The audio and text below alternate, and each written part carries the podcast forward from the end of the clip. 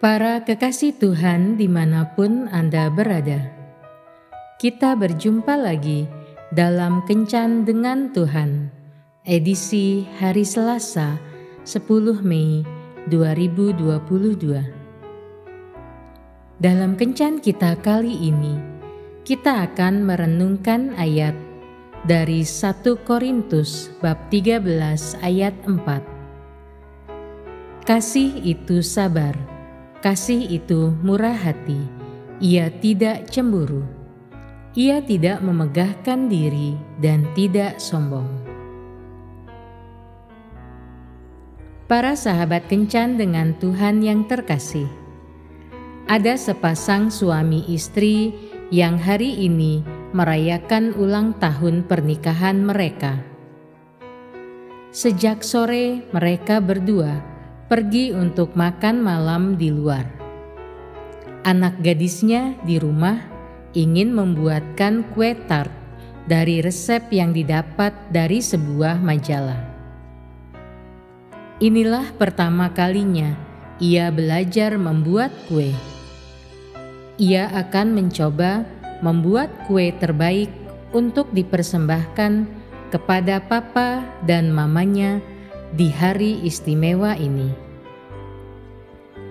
Ia sudah membeli semua bahan yang diperlukan, dan begitu mobil yang dikendarai papa dan mamanya keluar dari pagar rumah, ia segera berlari ke dapur untuk membuat kue. Ia sangat sibuk dengan kuenya, sehingga tidak terasa waktu berlalu begitu cepat.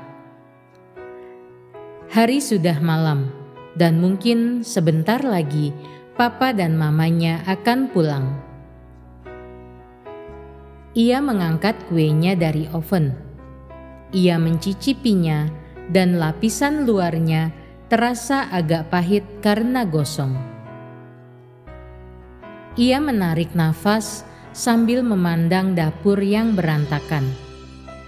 Blender dan mixer yang kotor ada tepung yang bertaburan di lantai dan meja, ditambah lagi dengan mangkok-mangkok kotor yang belum sempat dibereskan. Mana yang lebih dahulu harus dikerjakan? Apakah menyelesaikan lapisan coklat di kuenya atau membereskan dapur yang berantakan? Akhirnya ia memutuskan untuk menyelesaikan kuenya. Ketika kuenya selesai, ia mendengar suara mobil memasuki halaman rumah. Ia segera mematikan lampu dan berharap ketika papa dan mamanya masuk ke dapur akan senang dengan kejutan itu. Benar saja, Papa dan mamanya berjalan berdampingan menuju dapur. Dan ketika mereka sampai di pintu, anak itu menyalakan lampu sambil berteriak, "Surprise!" Mereka tersenyum dan sang anak memeluk papa dan mamanya sambil mengucapkan selamat atas pernikahan indah mereka. Namun beberapa saat kemudian, raut wajah sang mama berubah dan menjadi marah. Coba lihat apa yang sudah kau perbuat di dapur ini, sehingga sangat berantakan. Sudah berapa kali mama katakan kepadamu untuk segera merapikan sendiri segala sesuatu yang sudah kau buat menjadi kacau. Tetapi mah, belum sempat anaknya menjelaskan semuanya. Sang mama sudah berpaling berjalan menuju kamarnya sambil berkata, "Seharusnya mama mengawasimu merapikan semua ini sekarang juga, tetapi sekarang mama sedang kesal. Besok pagi mama mau semua sudah rapi." Sayang, coba lihat ke meja itu kata suaminya, berusaha meredakan amarah istrinya. Aku tahu bahwa meja itu sudah sangat berantakan, dan aku juga tidak akan tahan melihatnya, kata istrinya sambil berjalan. Sang anak hanya terdiam.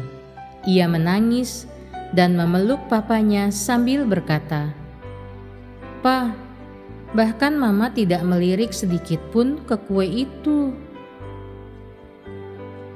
Papanya membelai rambut anaknya sambil berkata, "Sayang, banyak orang tua yang menderita penyakit ketidakmampuan melihat gambaran secara menyeluruh karena terpengaruh oleh hal-hal kecil, dan itu yang terjadi kepada Mama. Besok, setelah Mama tahu kau membuat kue untuknya, hatinya pasti akan terharu." Kita sering kali gagal melihat motivasi baik yang terbungkus oleh suatu keadaan yang buruk. Ketidakmampuan melihat gambaran secara menyeluruh membutakan kita, sehingga kita tidak bisa melihat bentuk cinta kasih atau penghargaan yang dipersiapkan oleh orang-orang yang kita kasihi. Ada seorang ibu yang mencubit anaknya hingga memar karena anaknya memecahkan dua buah piring yang akan dicuci anaknya. Manakah yang lebih berharga? Terbentuknya kerajinan anak atau harga dua piring yang pecah itu? Jangan lukai perasaan orang yang kita kasihi karena hal-hal yang kecil telusuri motivasi awal mereka ketika melakukan suatu hal, kemudian bimbing mereka untuk melakukannya dengan cara yang lebih baik. Tuhan Yesus memberkati. Marilah berdoa. Tuhan Yesus, ampunilah aku yang sering kali gagal melihat kebaikan-kebaikan yang dilakukan sesamaku karena pandanganku yang negatif. Amin.